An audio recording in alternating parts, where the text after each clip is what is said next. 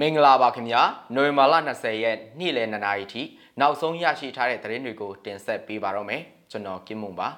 လိုက်တာယာတောင်ကြီးရဲ့စခန်းလောင်ချာနဲ့ပြစ်ခတ်ခံရတဲ့သတင်းပန်တကိုအမတ်နဲ့ကောက်ယူမိတဲ့အထုပ်ပေါက်ကွဲလို့မြောက်ဥက္ကလာမှာအမျိုးသားတအူးတီဆုံးတဲ့သတင်း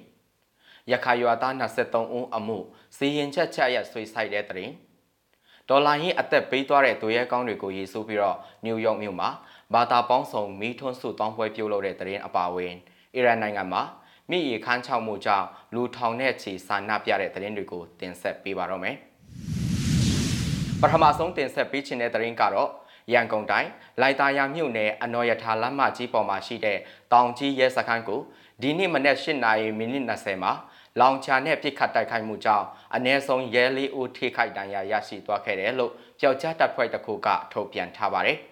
M79 grenade launcher နဲ့ 40mm ဘုံးသီးတစ်လုံးပစ်ခတ်တိုက်ခိုက်ခဲ့တယ်။သူတို့ကအင်အား30လောက်နဲ့မနစ်တိုင်းစုဝေးအလေးပြုကြတာ။သူတို့ပေါ်ကိုတက်တက်ကြားသွားတာဆိုတော့ထိမှာပဲ။လေးယောက်လောက်အနည်းဆုံးလို့ Civil Guerrillas Force HTY တာဝန်ရှိသူတို့ကမီဇီမာကိုပြောပါတယ်။မော်ဟိုယာစစ်စင်ရေးလို့အမေပေးထားတဲ့တိုက်ခိုက်မှုကို Civil Guerrilla Force HTY အဖွဲ့နဲ့ Spring Revolution Flam SLS အဖွဲ့တို့ကပူးပေါင်းဆောင်ရွက်ခဲ့တာဖြစ်တယ်လို့ဆိုပါတယ်။ဆက်လက်ပြီးတော့နိုဝင်ဘာလ19ရက်ညကမြောက်ဥက္ကလာပမြို့နယ်မှာပန့်တကူအမတ်နဲ့ကောက်ယူမိတဲ့အထုပ်ပောက်ကွဲလို့အမျိုးသားတအုပ်တီဆောင်ကြောင်းဒေသခံတွေကပြောပါတယ်။ချစ်တာကမြောက်ဥက္ကလာပသုံးနရာလမ်းမကြီးပေါ်မှာဖြစ်တာည9နာရီခွဲလောက်ကပေါ့ကားရစီးပေါ်ကအထုပ်မဲပစ်ချသွားတာအဲ့ဒါကိုအဲ့ဒီဦးလေးကြီးကကောက်မိတယ်။ အထဲမှာလက်လုံးမိုက်ထဲထားတော့ပောက်ကွဲသွားရောအဲ့မှာအိုလီဂျစ်ကဘိုက်ပွင့်ထွက်သွားတယ်စီးယုံကိုတော့ခေါ်သွားကြပြီအခြေအနေကတော့မကောင်းဘူးပြလို့မျက်မြင်တွေ့သူကမီစီမာကိုပြောပါတယ်အဲ့ဒီပောက်ကွဲမှုကြောင့်ထိခိုက်ဒဏ်ရာရရှိသူအမျိုးသားဟာစီးယုံမှာပဲတည်ဆုံသွားကြောင်းဒီတာခန်တွေစီကစုံစမ်းသိရှိရပါတယ် PDF တွေကလည်းကြီးညာပြီးသားပန်တကိုပြည့်ရင်တောင်အဲ့အကြီးလေးနဲ့ပြစ်ဖို့အဲ့ဟာကိုညဘက်ကြီးကားပေါ်ကနေအထုံမဲချသွားတယ်ဗျ ဒါကပောက်ကွဲသွားတော့ကောက်မိတဲ့သူထိတယ်ပေါ့ပုံမှန်ဆိုတစ်ခုဖြစ်ရင်ချက်ချင်းကိုဟူကောင်တွေရောက်လာတာစစ်ဆေးမှုတွေအကုန်လုပ်ပြီးမဆိုင်တဲ့သူတွေပါဖားနာပြအခုဖြစ်တာတကောင်မှရောက်မလာဘူးအဲ့တော့ဘယ်သူလို့တာဖြစ်နိုင်လဲစဉ်းစားကြည့်ပေါ့ဗျာလို့ရက်ကွက်နေပြီသူတို့ကသူ့ရဲ့ထင်မြင်ချက်ကိုပြောသွားပါတယ်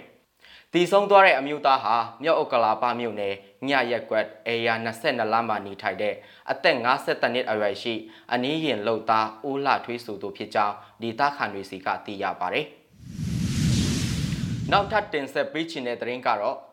နိုဝင်ဘာလ19ရက်နေ့မှာအပိတအမိန့်ချမှတ်ဖို့ရုံချင်းချင်းထားတဲ့ရခိုင်ပြည်နယ်မြောက်ဦးမြို့နယ်လက်ကာကျေးရွာသား23ဦးအမှုကိုဒီဇင်ဘာလ3ရက်နေ့ကို ရုံချင်းထပ်မံရွှေ့ဆိုက်ခဲ့တယ်လို့အမှုလိုက်ပါဆောင်ရွက်ပေးနေတဲ့ရှီနီကပြောပါတယ်။နိုဝင်ဘာလ19ရက်နေ့ရုံချင်းကိုဒီဇင်ဘာလ3ရက်နေ့ကိုရွှေ့ဆိုက်လိုက်တာဖြစ်တယ်လို့အမှုလိုက်ပါစီနီတွေကပြောပါတယ်။သူတို့အဓိကကတရားသူကြီးဒီနေ့ရုံချင်းမလာနိုင်လို့ရက်ရွှေ့လိုက်ရတာပါ။တရားသူကြီးကညီမကောင်းဘူးလို့ပြောပါတယ်။ဟုတ်ပါတယ်အမှန်ကဒီကနေ့အပိသက်ရုံချင်းပါဒီနေ့နိုဝင်ဘာလ19ရက်နေ့ပါ အဲ့ဒါကိုအခုကနောက်လဒီဇင်ဘာလ3ရက်နေ့ကိုပြန်ပြီးတော့ရဲချင်းဆွေးလိုက်ပါတယ်လို့အမှုလိုက်ပါရှိနေတော့ကပြောပါတယ်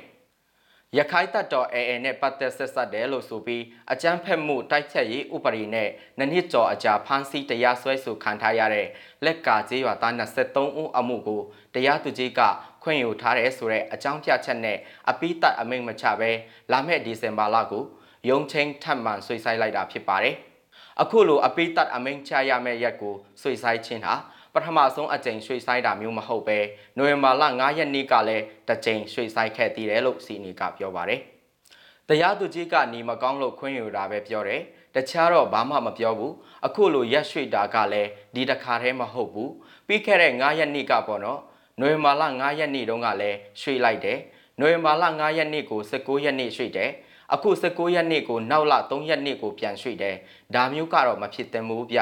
လွတ်ပြီးမှဆိုလဲလွတ်ပြီးစီရင်ချက်ချမယ်ဆိုလဲချပေးရမှာလေမိသားစုဝင်တွေကတော့မြန်မြန်စီရင်ချက်ချက်စီခြင်းတယ်ပဲပြောနေကြတာပါ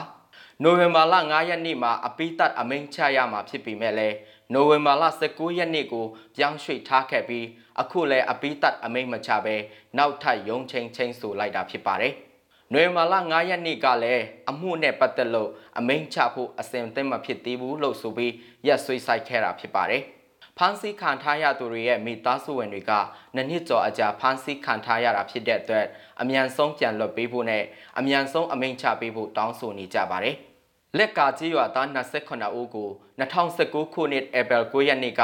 ရွာအနီးမှာဖြစ်ပွားခဲ့တဲ့စစ်တပ်နဲ့ရခိုင်တပ်တော် AA တို့တိုက်ပွဲအပီး စစ်တပ်ကဖမ်းဆီးခေါ်ဆောင်သွားခဲ့တာဖြစ်ပြီး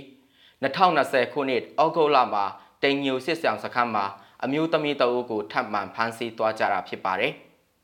ဒီလိုဖမ်းဆီးခံထားရတဲ့ရွာသူရွာသား28ဦးထက်က3ဦးမှာစစ်ကြောရေးမှာတည်ဆုံးခဲ့ပြီးအသက်မပြည့်သေးတဲ့ကလေး2ဦးကိုအမျိုးသားဒီမိုကရေစီအဖွဲ့ချုပ် NLD အစိုးရလက်ထက်2020ခုနှစ်မေလမှာအမှုရုပ်သိမ်းပေးခဲ့တာဖြစ်ပါတယ်။ကျန်တဲ့ရွာသား23ဦးကိုမြောက်ဦးရဲတပ်ရင်းကိုဝင်ရောက်တိုက်ခိုက်မှုစစ်ကိုလာတဲ့စစ်ကြောင်းကိုကြားဖြတ်တိုက်ခိုက်မှုတို့မှာဆက်ဆက်မှုရှိတယ်ဆိုပြီးစစ်တပ်ကဖမ်းဆီးထားပြီးအကြမ်းဖက်တိုက်ဖြတ်ရေးဥပဒေပုံမှာ90ကာကြီး92ကာကြီး90ဇမန်ဆွဲ94တို့နဲ့တရားစွဲဆိုထားတာဖြစ်ပါတယ်။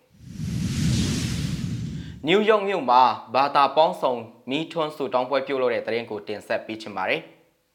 စစ်အာဏာရှင်ရဲ့ခက်အဆက်ဆက်လိုမဆန်းစွာမတရားညှဉ်းပန်းနှိပ်စက်တပ်ဖြတ်ခံရတဲ့အပြစ်မဲ့ပြည်သူတွေနဲ့ຫນွေဦးတော်လိုင်းကြီးမှာကြာဆုံးသွားခဲ့တဲ့သူရဲကောင်းတွေကိုယေရှုအောက်မိပြီးဘာသာပေါင်းစုံမီးထွန်းစုတောင်းပွဲကိုမမဒီမိုကရေစီလှုပ်ရှားမှုထောက်ခံရေးအဖွဲ့ SDM မှနိုဝင်ဘာလ19ရက်နေ့ညနေကနယူးယောက်မြို့ Amherst မှာပြုလုပ်ခဲ့ကြပါတယ်။အဆိုပါဆုတောင်းပွဲကိုဗုဒ္ဓဘာသာဘုန်းကြီးများဟိန္ဒူဘုန်းကြီးများ ခရစ်ယာန်နဲ့အစ္စလာမ်ဘာသာဝင်တွေရဲ့ဆုတောင်းပေးသူတွေကပါဝင်မြစ်တာဖို့ဆုတောင်းပေးခဲ့ကြပါတယ်။နိုဝင်ဘာလ19ရက်ဟာຫນွေဦးတော်လာရင်မှာစစ်ကောင်စီကဦးကောင်းကိုပထမဆုံးပြစ်တက်ချင်းခံခဲ့ရတဲ့မြတ်တွတ်တွတ်ခိုင်ကြဆုံးခဲ့ရတဲ့ကိုလပြည့်ဖြစ်တဲ့ပြင်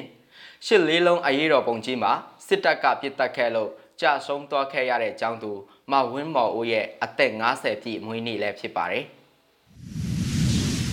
နိုင်ငံတကာဘက်မှာတော့ အီရန်နိုင်ငံမှာမြစ်ရီခန်းချောက်မှုကြောင့်လူထောင်နဲ့ချီဆန္ဒပြတဲ့သတင်းကိုတင်ဆက်ပေးချင်ပါတယ်။မိုးကောင်ရေရှားမှုနဲ့ရေလွှမ်းကြောင်းလွှဲမှုတွေကြောင့်မြို့ရဲ့အသက်သွေးကြောသဖွယ်မြစ်တွေခန်းချောက်သွားတဲ့နောက်အီရန်နိုင်ငံအလဲပိုင်းအဖာဟန်မြို့မှာနိုမာလာ19ရက်တောက်ကြနေ့ကဒေါသထွက်နေတဲ့လူထောင်ပေါင်းများစွာစုဝေးဆန္ဒပြခဲ့ကြောင်းနိုင်ငံပိုင်ရုပ်သံကနေပြောကြားခဲ့ပါတယ်။အဖာဟန်ပြည်နယ်တဝန်းကလယ်သမားတွေပါဝင်တဲ့ဆန္ဒပြမှုဟာ နိုဝင်ဘာလ9ရက်ကစတင်ခဲ့တဲ့ရေအကျက်တဲ့အတွက်ဆန္ဒပြပွဲနောက်ပိုင်းအကြီးမားဆုံးဖြစ်ပါတယ်။ပြည်နယ်အရှေ့ပိုင်းနဲ့အနောက်ပိုင်းကလယ်သမားတွေအပြင်အဖာဟန်ကထောင်နဲ့ချီတဲ့လူတွေဟာမြစ်ကျမ်းပြင်ပေါ်အောင်ထိခန်းချောက်နေတဲ့ ဇာယန်ဒါရူမြစ်အနီးမှာစုဝေးခဲ့ကြပြီးမြစ်ရည်တွေကိုစီးဆင်းခွင့်ပေးပါဆိုတဲ့အဓိကတောင်းဆိုချက်တစ်ခုကိုဟစ်ကြွေးတောင်းဆိုခဲ့ကြပါတယ်။နိုင်ငံဟာနှစ်ပေါင်းများစွာဒီအရေးပါတဲ့မြစ်ရည်ပြဿနာတွေကိုဖြေရှင်းဖို့ဆန္ဒမရှိခဲ့ဘူးလို့သတင်းတောက်တူကဆိုပါတယ်။အီဖာဟန်ဟာအီရန်နိုင်ငံရဲ့တတိယအကြီးဆုံးမြို့ဖြစ်ပြီးလူဦးရေ2တန်းဝန်းကျင်နေထိုင်ပါတယ်။ဇာရန်ဒါရူမြစ်ရဲ့တမိုင်းဝင်မြစ်ကူးတရအပါအဝင် အမွေအနှစ်နေရာတွေကြောင့်ခီးသွားတွေလာရောက်လဲပတ်ကြတဲ့ 2000ခုနှစ်ကလေးကမြစ်ဟာကောစပြုနေခဲ့ပါတယ်။မိုးခေါင်ခြင်းကိုအဓိကအကြောင်းရင်းတွေကတခုအဖြစ်ရှုမြင်ကြပေမဲ့လယ်သမားတွေကတော့အာနာပိုင်တွေရဲ့မြစ်ရေကိုအင်းနီချင်းယာ့စ်ပြည်နယ်တဲကိုလွှဲပြောင်းပေးခဲ့ခြင်းကြောင့်လည်းဖြစ်တယ်လို့အပြစ်တင်ခဲ့ကြပါတယ်။အီရန်သမ္မတအီဘရာဟင်ရိုင်စီကတော့အီဖာဟန်ယာ့စ်နဲ့စီးနံပြည်နယ်တွေကကိုယ်စားလှယ်တွေနဲ့နွေမာလာ17ရက်နေ့ကတွဲဆုံခဲ့ပြီးရေပြဿနာကိုဖြေရှင်းသွားမယ်လို့ကတိပြုခဲ့ပါတယ်။ ရေအလွန်ရှားတဲ့အီရန်နိုင်ငံဟာနှစ်ပေါင်းများစွာနာရာရှည်၆သွဲ့မှုဒဏ်ကိုခံစားနေရပါတယ်။ဇူလိုင်လအတွင်းကမိုးကောင်ရေရှားမှုပြဿနာပုံမကျယ်ပြန့်လာပြီးတဲ့နောက်အနောက်တောင်ပိုင်းခူဇီစတန်ပြည်နယ်မှာလူအသေးပြောက်ရှိတဲ့ဆန္ဒပြပွဲတွေဖြစ်ပွားခဲ့ပါတယ်။မြစည်းမရဲ့နိုဝင်ဘာလ20ရက်နေ့လယ်2နာရီထိနောက်ဆုံးရရှိထားတဲ့သတင်းတွေကိုတင်ဆက်ပေးခဲ့တာပါမြန်မာပြည်သူပြည်သားအလုံးစိတ်ချမ်းသာခြင်းကိုယ်ချမ်းသာခြင်းနဲ့ပြည့်စုံကြပါစေခင်ဗျာ။